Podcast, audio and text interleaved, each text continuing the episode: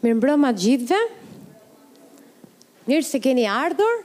Sa bekim që ju shoh këtu sot. Sot do të ndaj diçka që besoj që do t'ju bekojë shumë. Do të ndaj diçka shumë të thjeshtë. Isha në fakt në lutje edhe po i kërkoja Zotit, dua zemrën tënde Perëndi, çfarë dëshiron ti që që t'ju jap fëmijëve të tu në këtë natë. Edhe do të ndaj diçka kaq të thjeshtë, por është kaq jetë ndryshuese.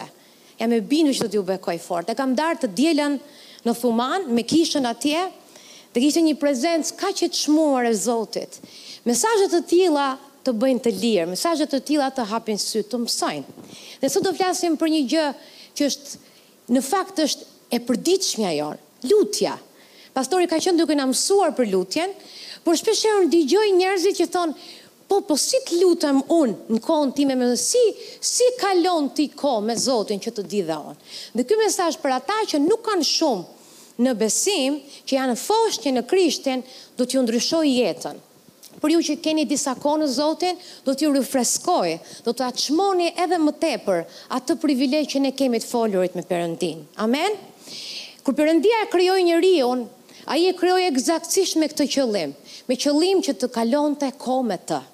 Perëndia e deshte kaq shumë njeriun, sa donte të fliste me të, dhe rrinte në të njëjtin vend, kishte bashkësi me njeriun. E Fjala e Zotit na thotë që në flladin e ditës Perëndia ecte në kopshtin e Edenit, dhe Adami dhe Eva e dëgjonin lirisht dhe e shikonin Perëndinë lirisht. Dhe të njëjtën gjë Perëndia dëshiron që të ketë me ty dhe mua. Kur kjo marrëdhënie u thye për shkak të mëkatit, nga Zanafilla, derisa Zoti Jezus erdhi dhe të gjitha fjalët profetike të të gjithë profetëve u bënë realitet, Perëndia u përpoq të bënte një rrugë që të restauronte këtë marrëdhënie që u thye për shkak të mëkatit. Ai të do ty kaq shumë sa do të flasë çdo ditë me ty. Ai dëshiron të dëgjojë zërin tënd. Ai dëshiron të dëgjojë zemrën tënde. Mbaj mend një historinë e një gruaje, të tregonte një vizion që kishte parë para disa kohësh. Ë, isha tha me, me shoqe dhe po i thoja shoqeve, ne unë kohën time me Zotin e kam në këtë orë, e kam në, e bëj në këtë dhomë dhe po tregonte detaje. Mirëpo ndodhi tha që unë Nuk isha aq besnike në kohën time me Perëndinë, kështu që nuk e respektova gjërat që kisha lënë, kohën që kisha lënë mënjanë për Zotin nuk po e respektoja. Derisa një ditë pashë një vizion. Dhe pashë tha atin Perëndi, i cili në orën që unë thoja që do të shkoja në lutje ai më priste atje. Ai rrinte gjatë n'dhomëzën time, priste gjatë dhe pastaj ikte me, me, me shpatullat e ulura kthente kurrizin dhe vazhdonte. Dhe çdo ditë bënte t'njejtën gjë, derisa mua tha m'u hapën sytë për të kuptuar se sa e rëndësishme është koha ime me Perëndinë. Kur i themi Zotit, Zot nesër do vi t'lutem në këtë orë, jam aty, Perëndia të pret ty, e mban apo s'e mban ti fjalën. Edhe Zoti dëshiron që ta dëgjojë zemrën tënde të flasë me ty. Dhe është një moment tek tek Mateu gjashtë, që është kur Jezusi është me dishepujt, edhe dishepujt i thonë, Mësues, na mëso si të lutemi, si duhet të lutemi. Dhe Jezusi i thotë, Tek vargu gjashtë, kapitulli gjashtë, vargu gjashtë thotë, Por ti, kur futesh, futu në dhomëzën tënde, mbylle derën dhe lutju Atit tënd në fshehtësi, dhe Ati yt që shikon në fshehtësi do të ta shpërblejë publikisht. Perëndia dëshiron që të ketë një marrëdhënie intime me ty. dhe dëshiron që kur ti të shkosh të flasësh me të, është midis teje dhe atit. Është shumë bekim kur ne lutemi së bashku, por ka një nivel tjetër kur ti dhe ati yt ndani zemrën. Është marrëdhënie. Ti i jep Perëndisë, ti i jep dashuri Perëndisë, ti i flet Perëndisë dhe atij i duhet lënë vend që ai të flasi mbrapsht. Prandaj quhet marrëdhënie, merr edhe jap. Amen, e thotë mbylle dhomëzën tënde, më kërko në fshehtësi dhe unë do të ta shpërblej publikisht. Madje në një moment Jezusi kur është duke mësuar për këtë pasazhin këtu i thotë, mos bëni si farisenjtë, si mësuesët e ligjit, që luten me zë të lartë e përsërisin fjalë pa fund dhe përpiqen të tërheqin vëmendje. Ajo nuk është lutje zemre. Perëndia do zemrën tënde. Është atë. Sa prej jush shkoni i flisni mamit dhe babit me me gjëra madhështore që të tërheqni vëmendjen e gjithë shtëpisë? Jo, shkon te mami dhe thua të dua shumë. Ai di që të dua shumë. Dhe ati yt pret njëjtën gjë. Pret që të dëgjojë zërin tënd. Dhe pak më tutje i thotë, por kur ju luteni, sapo e thashë këtë, mos përdorni përsëritje të kota që siç bëjnë paganët, sepse ata mendojnë se do t'u plotësohet lutja sepse kanë përdorur shumë fjalë. Perëndia nuk është pas fjalëve të bukura letrare, sepse në fakt ai është kaq i mirë, ai është kaq i madh, sa letërsia nuk mund të mbulojë madhështinë e tij. Nuk janë të shpikura fjalë mjaftueshëm për të shprehur sa shumë i mirë, sa i madh dhe sa i mrekullueshëm është. Kështu që zemra jonë, ndonjëherë adhurimi më i thellë është kur ti shkon në prezencën e tij dhe je pa fjalë. Është adhurimi më i thellë, sepse është zemra jote me zemrën e Atit dhe Ai e di nevojat e tua.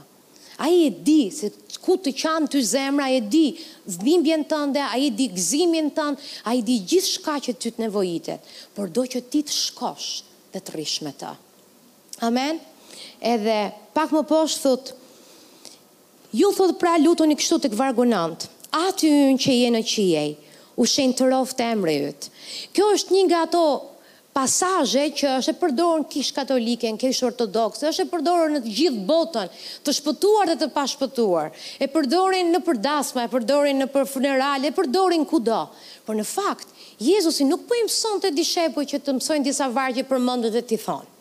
Jezusi po i mësonte disa parime se si ne kur të shkojmë dhomëzën tonë të komunikojmë me Atin tonë. Dhe ai thotë, Ati ynë që je në qiell, u shenjtëroftë emri yt. Që do thotë kur ti shkon në prezencën e Zotit, gjithmonë hyr me adhurim dhe me lavdrim. Ka shumë psalme që thotë unë në portat e tij do të hyj me adhurim dhe me ngazllim. Kur ti shkon për, në prezencën e Zotit, gjithmonë shko duke madhëruar Zotin, duke shenjtruar emrin e tij. Mos shko direkt tek nevojat e tua, tek hallet e tua, po shko dhe kujtoji vetes sa i madh, sa i mirë është Zoti të cilin ti dhe unë i shërbejmë. Dhe çfarë unë bëj në kohën time me Zotin është kjo gjë. Mbyll derën e dhomës time me lutje që s'më bie kush deras, megjithëse kjo është një lutje që jo gjithmonë më përmbushet. Prandaj lutem o netëve të vona, o herët shumë në mëngjes. Mbyll derën e dhomës time dhe filloj i këndoj Zotit. Dhe tundimi më i madh është që kur ti je në dhimbje, je duke vujt fizikisht, për shkak problemeve me shëndetin, ke kaluar një një një problem, ke rrethana jo të përshtatshme, tundimi është që sa të shkosh të thosh, o Zot, ta dish ça po kaloj. Jo, shpirti im, beko Zotin dhe mos harro asnjë nga të mirat që Ai ka bërë.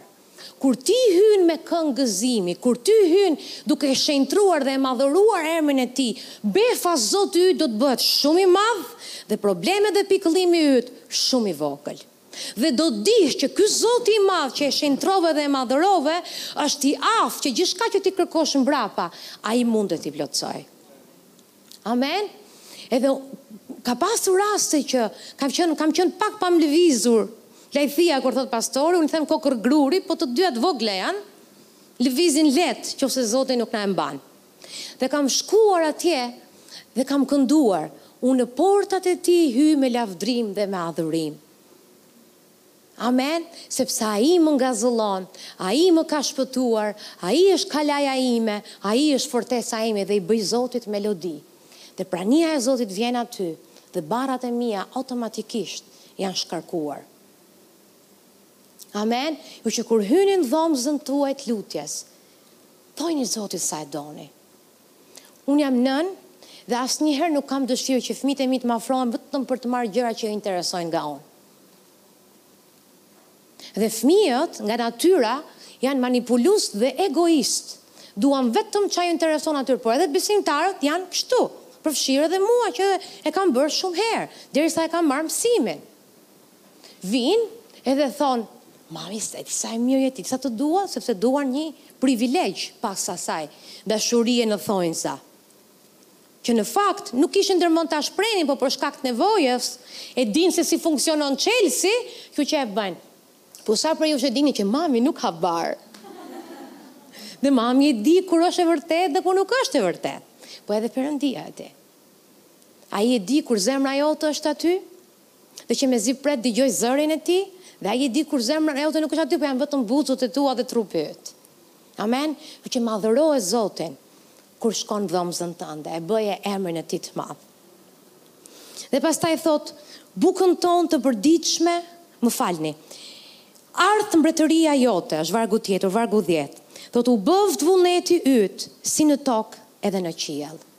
Pasi ti ta kesh adhuruar Perëndinë, Jezusi është duke mësuar që ashtu si është vullneti i Atit në qiell, duhet të jetë në jetën tënde.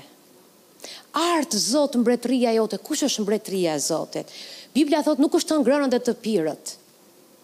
Por është të të njohin ty Perëndi, të të njohin ty Jezus. Edhe atin që të ka që të ka dërguar. Amen. Dhe kur ti thua ardhtë mbretëria jote, ti thjesht fillon dhe mediton çfarë ka mbretëria e Perëndisë. Mbretëria e Perëndisë ka shërim. Mbretëria e Perëndisë ka begati, Mbretëria e Perëndisë ka paqe, Mbretëria e Perëndisë ka gëzim, Mbretëria e Perëndisë ka gjithë të mirat, ka plot edhe për plot. Që ti të jesh i bekuar në shpirt, që të jesh i bekuar në frymën tënde, të jesh i bekuar në trupin tënd, totalisht i bekuar, më shumë se sa mjaft. Dhe kur ti e shpall atë që ardhtë mbretëria jote, u bëftë vullneti yt si në qiell ashtu dhe në tokë, ti je duke thirrë vullnetin e Atit në jetën tënde. Dhe, dhe, dhe ti i kujton vetes tënde që nëse ke shkuar në lutje në dhomëzën tënde me dhimbje, nëse ke shkuar me sfida, ti e di që shërimi është vullneti i Perëndisë. Shëndet të mirë ka n'qiell duhet të ketë në jetën time. Nëse je i smur, thirr mbretërinë e Perëndisë të manifestohet në jetën tënde. Le të bëhet vullneti i tij si në qiell edhe në tokë, në familjen tënde. Sepse kushdo që beson në të ka trashëguar të gjitha privilegjet që Jezusi i kishte. Dhe Ai dëshiron që ti të kesh me bollëk. Dhe nëse ke shkuar në dhomëzën tënde i frikësuar, i shqetësuar, i munduar, Mbretëria e Perëndisë nuk e ka këtë gjë. Ai do të ta japë ty. Amen. Thirr vullnetin e Atit. Kërko në Shkrimet e Shenjta cili është vullneti i Atit për situatën tënde dhe Ai do të manifestohet. Amen. Haleluja. Dhe pak më poshtë thotë, Bukën tonë të përditshme na jep sot.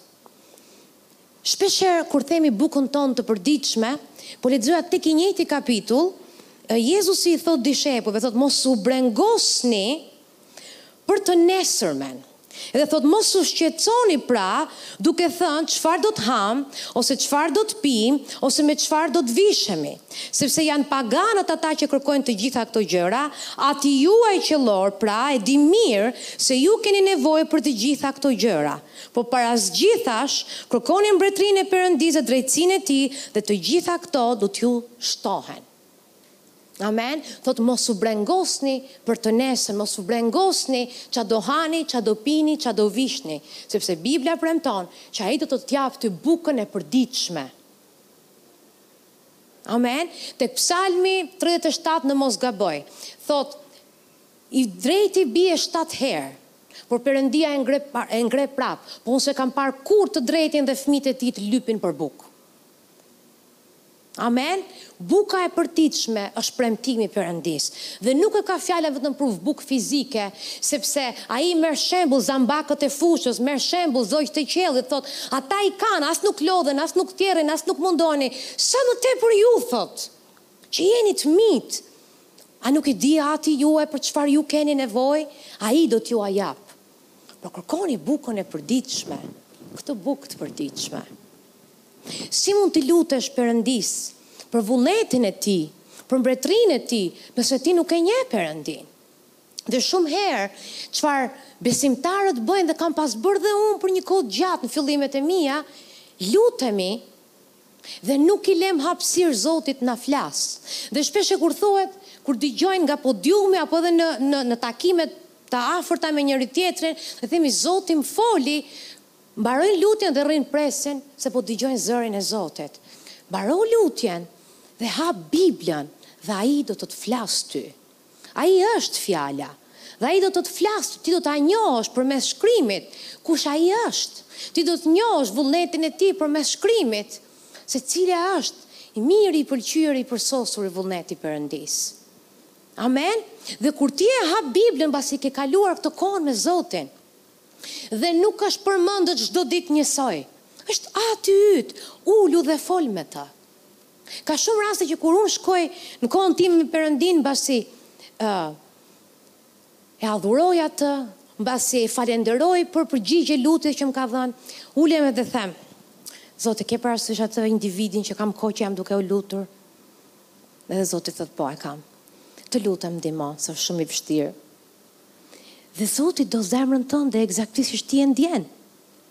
Perëndi e ke parasysh atë dobësinë që ke kohë që merresh me mua? Të lutem m'i hap sytë ta shoh. Të lutem ma trego rrugën si duhet ta rregulloj. Të lutem më mëso. Dhe ky është bashkëbisedim me Perëndinë. Dhe e dini se ku të çon ai kur ti i bën pyetje të tilla? Te fjala. Unë kam lexuar për një kohë shumë gjatë Biblën, vetëm e kam lexuar, derisa e kam dëgjuar zërin e brendshëm të tij. Sepse ai nuk mund të flasë përveçse jashtë Biblës. Fryma e Shenjtë do të kujtojë ty Shkrimet e Shenjta. Amen. Dhe do të marri nga pusi që ti e ke mbushur me ujin e gjallë. Dhe do të të kujtojë ty çfarë të duhet ty në momentin specifik, në qoftë se ti je plot me të. Ai do të ta kujtojë. Amen. Dhe është kaq shumë e rëndësishme. që t'i japësh vënd perëndisë të të flas edhe hap biblën thuaj perëndi më fol dhe mos e bëj kështu ja edhe aty thot juda vari veten aman mos e var veten kur je sapo i shpëtuar dhe hap biblën kështu sepse nuk e di sepse është mungesë njohurie, ka shumë raste që Zoti më ka pas folur, por nëse e bëj tani dhe thotë ju mëkatar, ju do digjeni, ju do shkatërroheni. Duhet të di më mirë. Hape Biblën e lexoje Biblën, nuk ke nevojë thuash më fol. Edhe thë ku ta çoj. Ja. Mbyll sytë, Edhe lutesh që Zoti të të flasë. E di që e keni bërë gjithë këtë. Gjithë, pa përjashtim. Po të gjithë. Funksionon vetëm muajt e parë të besimit. Pastaj nuk funksionon se na futesh në depresion se ju del ndonjë varg i vështirë që s'përtypet edhe na ngelen në klasë. Dakord? Kjo që e hap dhe e bëje qëllim. Do studioj, një nga gjërat që Zoti ka qenë duke marrë me mua kohët e fundit është studio Jetën e Jezusit. Si Jezusi bashkëvepronte me Frymën e Shenjtë, me Perëndinë. Që do të thotë, rri te Ungjilli, derisa, derisa ta kuptosh çfarë Jezusi bëri. Amen? Që ti ta njohësh Jezusin, duhet ta lësh Atë të të flasë, përmes Shkrimit të Shenjtë. Dhe kur ti je plot, dhe ke një jetë të shëndetshme me Perëndinë, në momente të vështira, Ato do të të kujtojnë dhe do të të mbajnë ty Fort. Mbaj mend shumë raste në jetën time, por do të ndaj vetëm një specifik.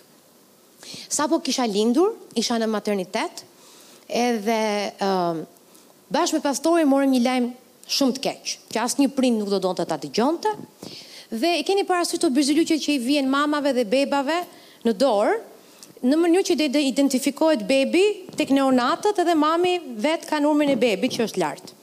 ose poshtë, kudo që është kati, s'ka problem, po imi ka qenë lart.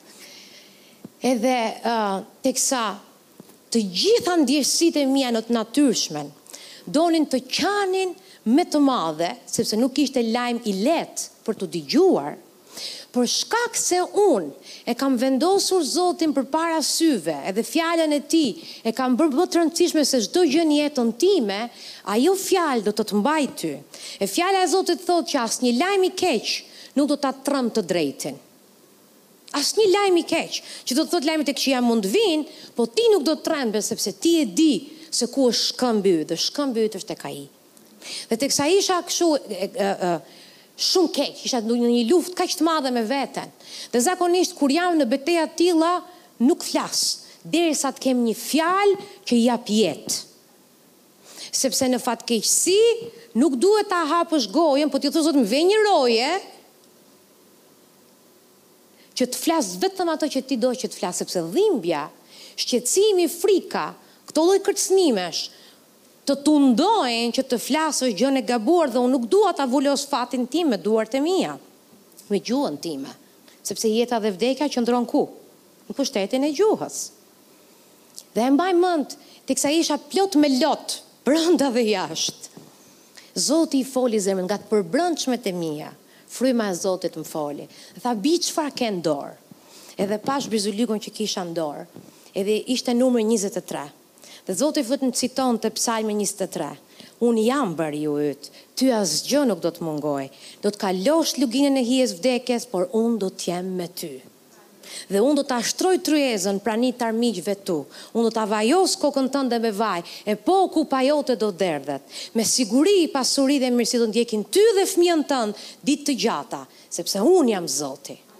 Amen? Një gjë kaq e vogël, po mos ta dija çfarë thotë Psalmi njëzet e tre, ai numri s'ishte asgjë. Po mos ta kisha lexuar Psalmin njëzet e tre apo fjalën e tij, asgjë nuk do mund të më inkurajonte, do isha futur në depresion si shumica e nënave kur marrin lajme të këqija për fëmijët e tyre. Por Ai i dha forcë shpirtit tim në mes të vështirësisë. Dhe nga ai moment, paqja e Zotit erdhi në dhomë. Liria e Zotit erdhi, unë e dija që në atë moment beteja nuk ishte më e imja, bariu im kishte hyrë në skenë. Amen. Sepse kur ti lutesh në dhomëzën tënde, aty ku nuk të sheh kush dhe e nderon Perëndinë aty ku nuk të sheh kush në fshehtësi, ai do të ta shpërblejë ty publikisht. Dhe më besoni, kur ti kalon këtë kohën kaq të çmuar midis teje dhe Perëndisë, Perëndia do të bëjë që armiqtë e tu të turprohen. Perëndia do të bëjë që do të do të shtrojë tavolinën përpara teje dhe armiqtë do të shohin bekimin dhe gëzimin e Zotit. Tani kur flasim për armiq, disa njerëz mendojnë për ca njerëz që s'i kanë qef. Nuk e ka fjalën për ato. Ato nuk janë armiq, ato thjesht kanë nevojë për lutje. Okej? Dhe kanë nevojë që ti t'i falësh, dhe kanë nevojë që ti t'i duash. Zoti nuk thotë Do ta vejë Artiolën, Sarën dhe Marën do ta shtrojë tryezën dhe të shofin ato. Jo nuk e ka këtë zoti, nuk është perëndia ky. E ka fjalën për gjitha ato frymëra të liga, për pushtetet e errësirës, ai do t'i turpërojë do t'i dërrmojë poshtë këmbëve tua për shkak të Jezusit, që tashmë e ka kryer. Amen? Meqë Perëndia Kur ti e merr bukën e përditshme, do të të mbajë ty në kohë fatkeqësie, do të të mbajë ty në çdo kohë dhe në çdo moment të jetës tënde. Haleluja! Dhe pastaj thotë, dhe na i fal fajet tona ashtu siç ua falim ne fajtorëve tanë. Tani, një nga gjërat që unë bëj kur shkoj në praninë e Zotit pasi e adhuroj Perëndinë, gjëja që bëj është Perëndi, nëse ka diçka që unë kam bërë gabim dhe zakonisht kur bën gabime dhe ke bërë ndonjë mëkat, ti e di se ku ke gabu. Po ka dhe gjëra që mund të jenë bërë në padashje e sipër, në pavetëdije. Dhe Davidi thotë një gjë të bukur, thotë Perëndi fali mëkatet e mia ato që i di dhe ato që s'i di. Dhe kur unë shkoj përpara tij them, me anë të gjakut të Jezusit, Perëndi unë të kërkoj ty ndjesë, se kam bërë këtë, këtë, këtë, të kërkoj ty falje. Sepse dua që asgjë të hyjë midis meje dhe Perëndisë tim. Por Jezusi këtu teksa është duke i mësuar dishepujt nuk ndalon këtu. Thotë, na i fal fajet tona, që do të thotë ne kërkojmë falje, Po fill pas kësaj thotë, ashtu siç ua falim ne fajtorëve tanë, që do të thotë, që ti të falësh fajtorët e tu nuk është opsionale. Ti thjesht duhet t'i falësh, sepse ti i ngjason Atit tënd. Amen? Ti u fale, do falësh edhe ti. Ti more hir, do japësh hir edhe ti. Sepse thotë nëse ju nuk i falni as ati juaj thotë pak më poshtë nuk do t'ju falë ju. Sepse Perëndia është xheloz dhe ai e do zemrën tënde totalisht për veten e tij dhe ai nuk është Perëndi i mosfaljes është Perëndi i dashurisë. Ai na fali ne atëherë kur ne ishim armiq të Perëndisë. Ai na zgjodhi, Ai na pajtoi, Ai na shenjtëroi, Ai na lau me gjak, Ai na vulosi, Ai na birësoi. Amen! Dhe Perëndia e meriton, për shkak dashurisë që është midis meje dhe atit tim. Asnjë rrënjë hidhërimi nuk duhet të rrijë në zemrën time. Amen! Sepse rrënjët e hidhërimit, oh sa kemi folur për këto rrënjë dhe e di që do të flasim derisa kisha të ekzistojë. Po janë rë, rrënjë të liga, rriten shpejt. Mos e lejoni ofezën, mos e lejoni hidhërimin të mbijë në zemrat tuaja. Sepse kur kjo gjë ndodh, i ligu gjithmonë do t'jua justifikojë biblikisht, është e drejtë që ti je mërzitur, nuk bën motra kështu me motrën. E vërtetë, vëlla. Por, Bibla ime më thotë që të fal shtatëdhjetë herë shtatë, pafundësisht. Unë s'kam qenë shumë me matematikë, po e di që bën katërqind e nëntëdhjetë, që do të thotë katërqind e nëntëdhjetë në njëzet e katër orë, imagjinoni ça bëhet gjithë vitin. Ti duhet të jetosh një stil jete falëse gjatë gjithë kohës. Dhe kjo nuk është për hir të tjetrit, pavarësisht se kur ti e çliron tjetrin hiri i Perëndisë çlirohet në jetën e tij, por është për lirinë tënde gjithashtu. Amen. Kështu që na i fal fajet tona, siç ua falim ne fajtorëve tanë. Amen. Dje isha me fëmijët tek lodrat dhe Danieli ishte Shoferi, më vinte vetëm italisht, nuk e di pse merrte italisht. Edhe Danieli qe shoferi dhe teksa Mikea u fut me fëmijët tek lodrat, neve patëm një kohë shumë të bekuar në në kafe dhe ishim duke folur ekzaktësisht për faljen, apo jo Daniel? Flisnim për faljen dhe për rrënjët e hidhrimit se si pa dashur, pa dashur, Nëse i lemë aty dhe i injorojmë, mund të ndotin shumë.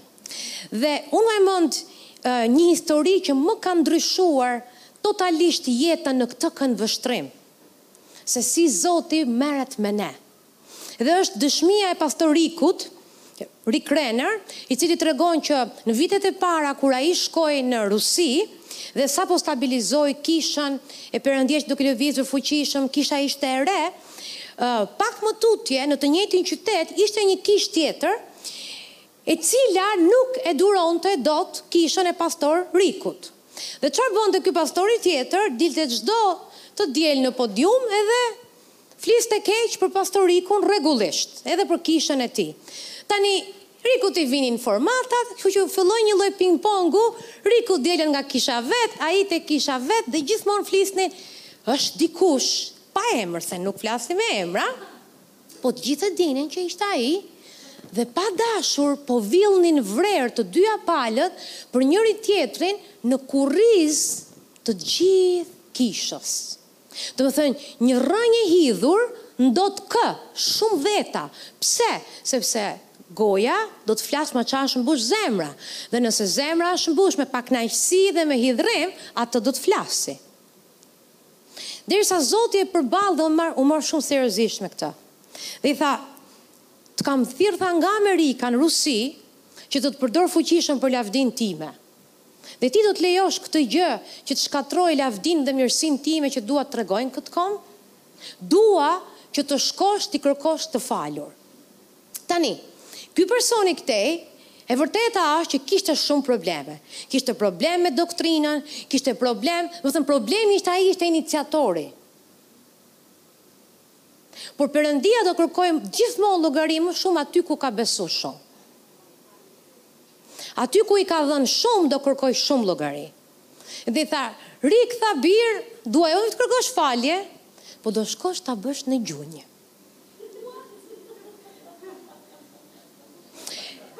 Në momentin tha që Zoti më foli tha shporru prej meje Satan. Sepse më thuaj një mish me gjak që ka dëshirë të shkojë të ulet përpara armikut vet në gjunjë dhe t'i thotë më fal. Asnjë nuk ka dëshirë, apo jo? Por është zemra jote, është thirrja jote, është marrëdhënia jote me Perëndinë që këtu është në test. Që është në test. Dhe nëse ti s'e kalon testin, Perëndia nuk do kishte bërë atë punë të jashtëzakonshme 30 vjeçare që ka bërë me atë burrë dhe me familjen e tij. I them edhe I lash tha dy javë këtë gjë tha bëja sikur s'e dëgjoja deri tha e dija tha që duhesh e di duhesh tha sepse Zoti më tha e do lavdinë time të kam premtu frymën time ta derdh mbi këtë komb e fryma ime shenjtë do derdhet nëse ti do ta bësh këtë gjë e do apo jo kë do më shumë do mbash inatin tënd se ke të drejtë apo do më zgjedhësh rrugën që unë të kam lënë tha Perëndi do ta bëj Do ta bëj nuk du t'ia di për ftyrën time ftyrën time kam lënë n'kryq atje du të rri po du të bëj vullnetin tënd dhe shkoj ta marr asistent pastorin tim edhe i them do shkojmë bashk dua që të më mbështes ai thoshte pastor të lutem kërkoj falje veç në gjunjë mos e bëj edhe unë tha po ti je nga ana e të Zotit apo e satanit po të marr për mbështetje jo që të më dekurajosh Edhe shkoj tha atje u futa ke zyra e tij ai tha u krekos që kur e mora në telefon edhe futem brënda folëm tha nja gjys ore për motin për kalamajt siç flasin njerëzit këtu ça të bëjnë se s'dinë se si të ecë muhabeti folëm për motin për kalamajt e për gjitha këto gjëra dhe zoti më tha Rik ke ardhë me një mision dua që të kryesh për ça ke ardhur Edhe i thashë shiko tani, u përpoqa tha fillova tha nji gjunjë tha po gati po më ulej po, po e zvarrisja se nuk doja ta bëj. E ula tha nji, nji gjysëm gjuri, edhe zoti më tha të dyja, të dyja, të kam thënë të dyja, sepse po s'e more testin do ta bësh prap, që mos ngelesh në klasë, se t'i ulësh gjunjët dy herë, bëj që herën e parë. I ula tha të dyja. Edhe i thashë, Unë të kërkoj falje nga zemra, të kërkoj falje për gjitha gjërat negative që kam thënë në adresë tënde. Vinte t'i thoja që e ke meritu, por Zoti më tha, Rik, ke ardhur me një qëllim tjetër.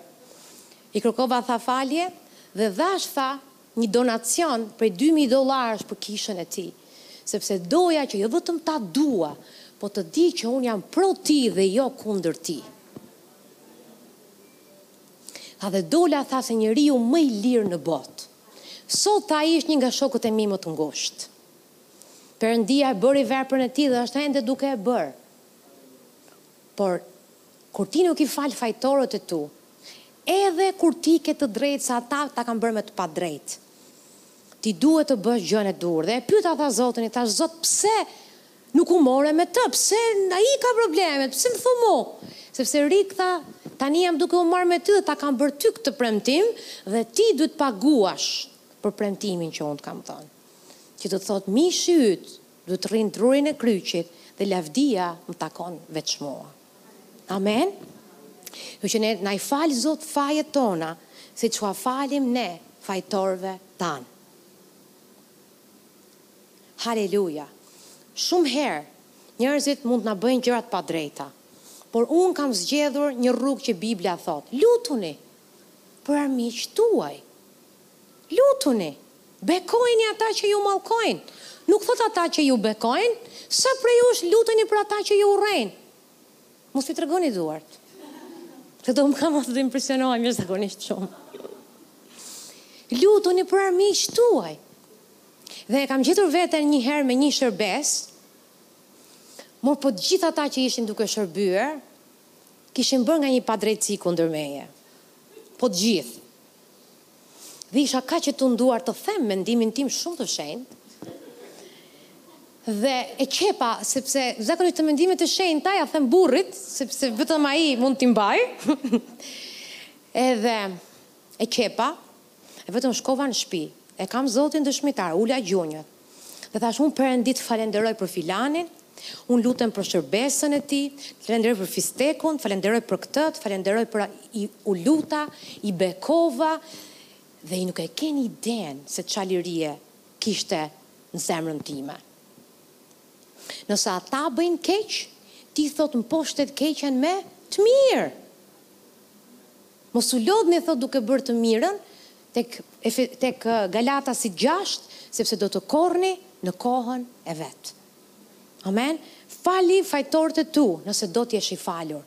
Do të jesh i falur mbill falje. Haleluja.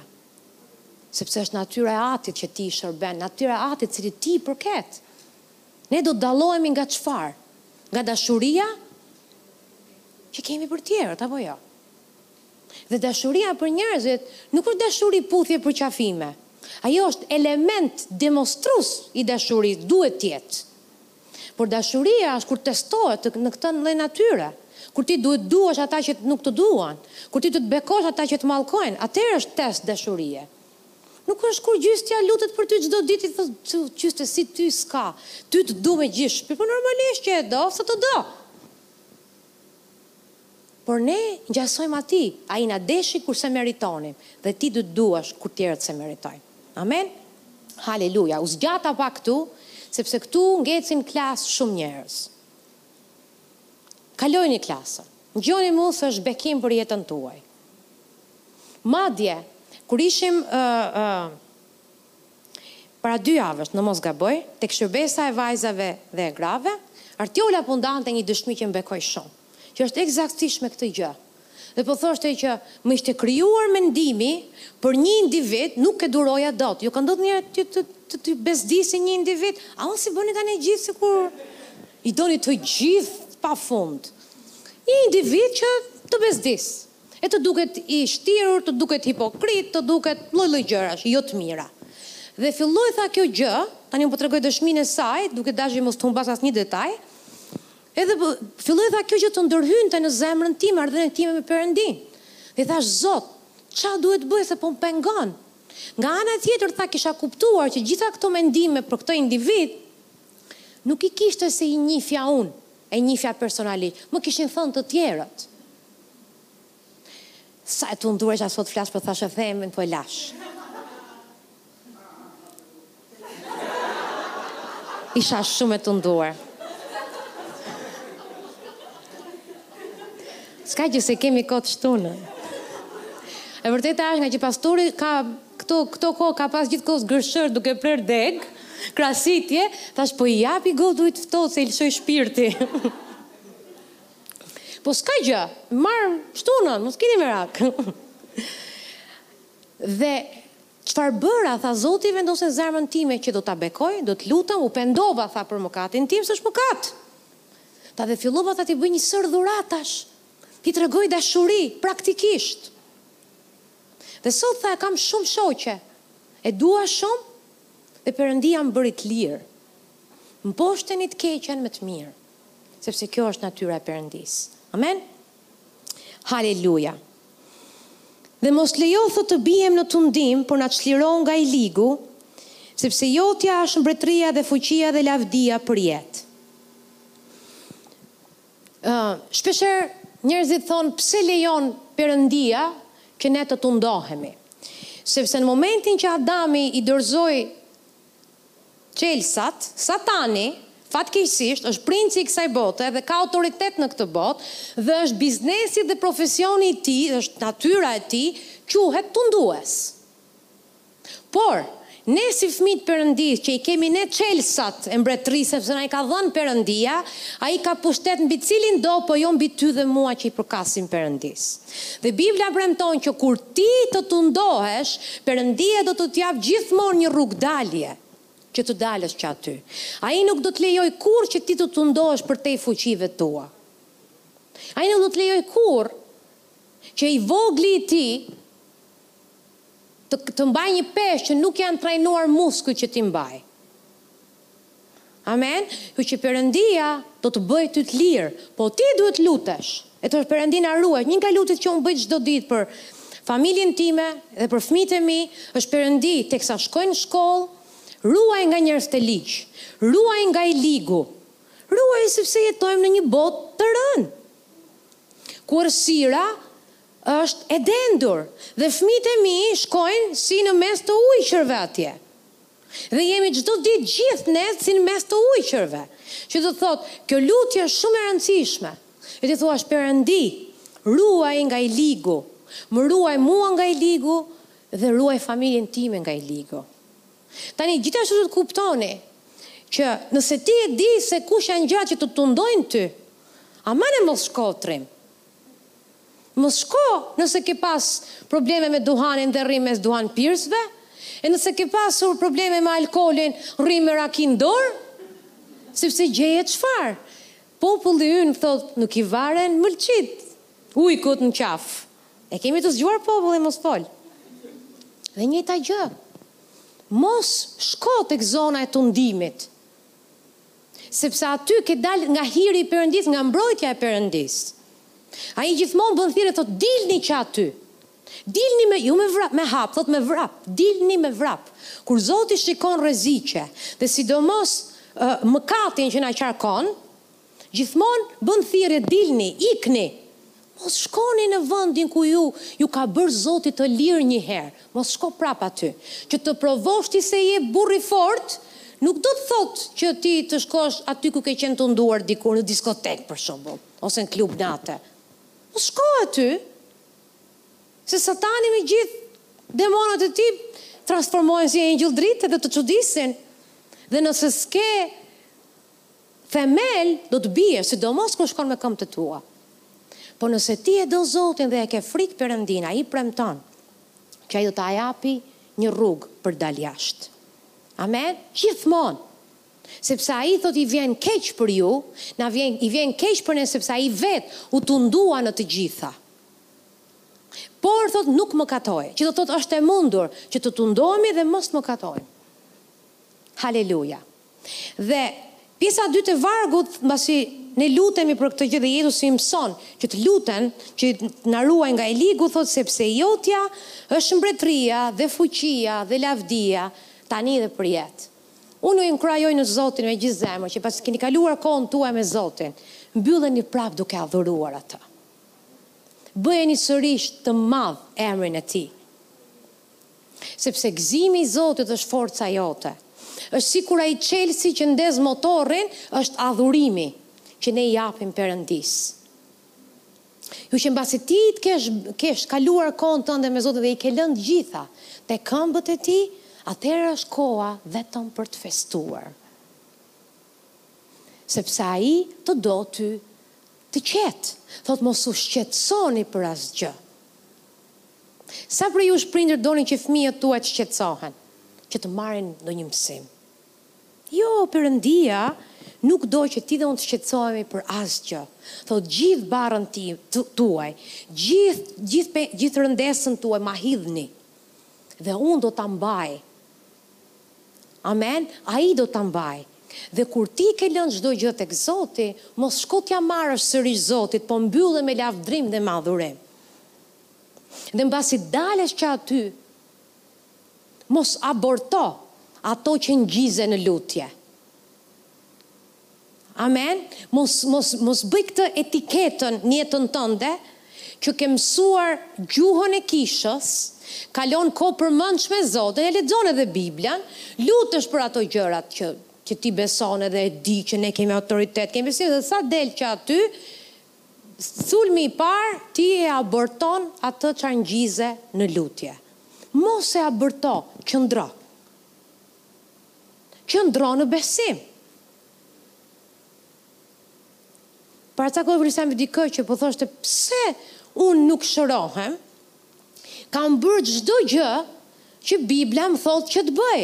Po Bibla nuk ka dhënë formula magjike. Të gjitha ato gjëra që Bibla thotë çlirohen me anë të besimit. Amen? Tha, pse tha nuk shërohem unë? Tha, s'kam për t'u bërë ndonjëherë. Tha, ja, kjo se prandaj.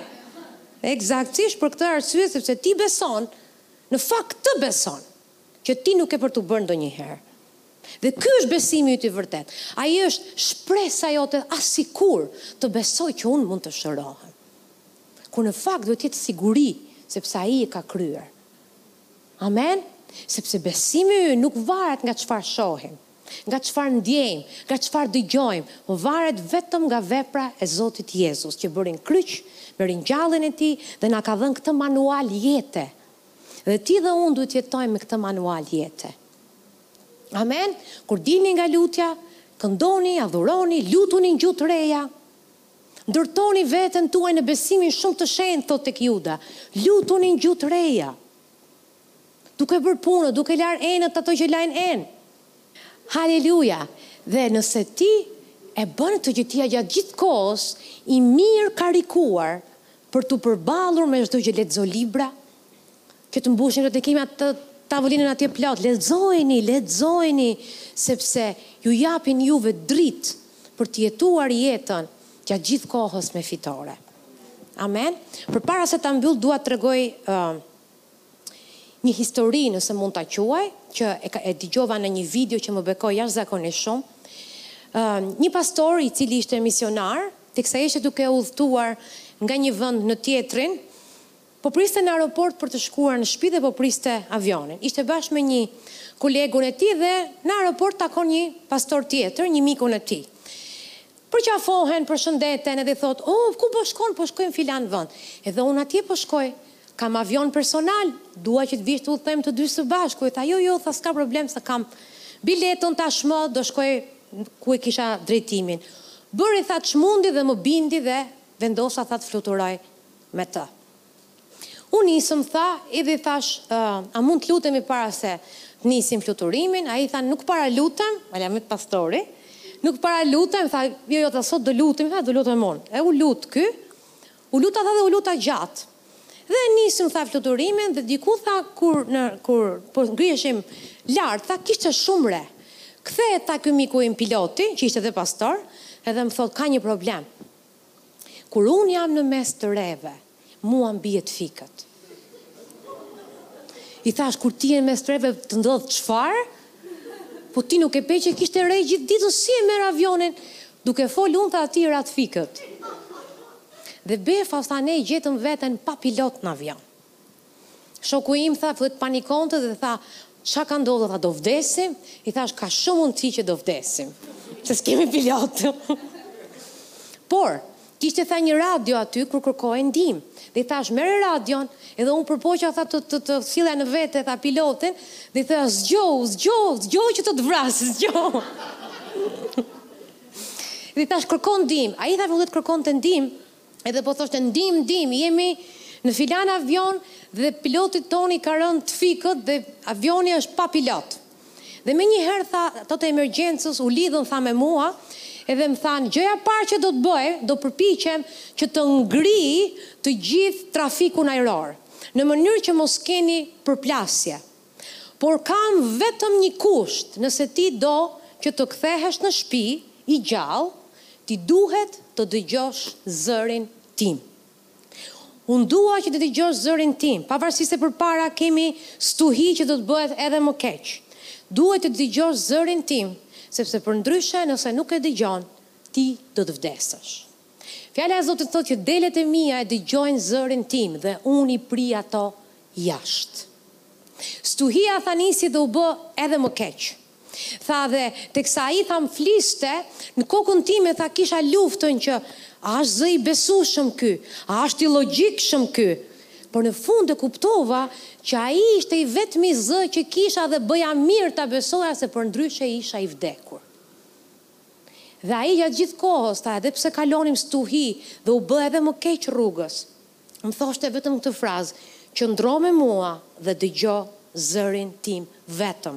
Nëse e shikon stuhinë, nëse shikon retë, nëse shikon ç'është duke u bërë atje jashtë, do të vdesësh me siguri. Dhe më tha, Jemi afër tha duke u afruar, dhe do të shikosh tha disa kryqa, kur të shikosh kryqin, kryqi është rruga për në shpi. Dhe Jezusi është rruga për në shpi.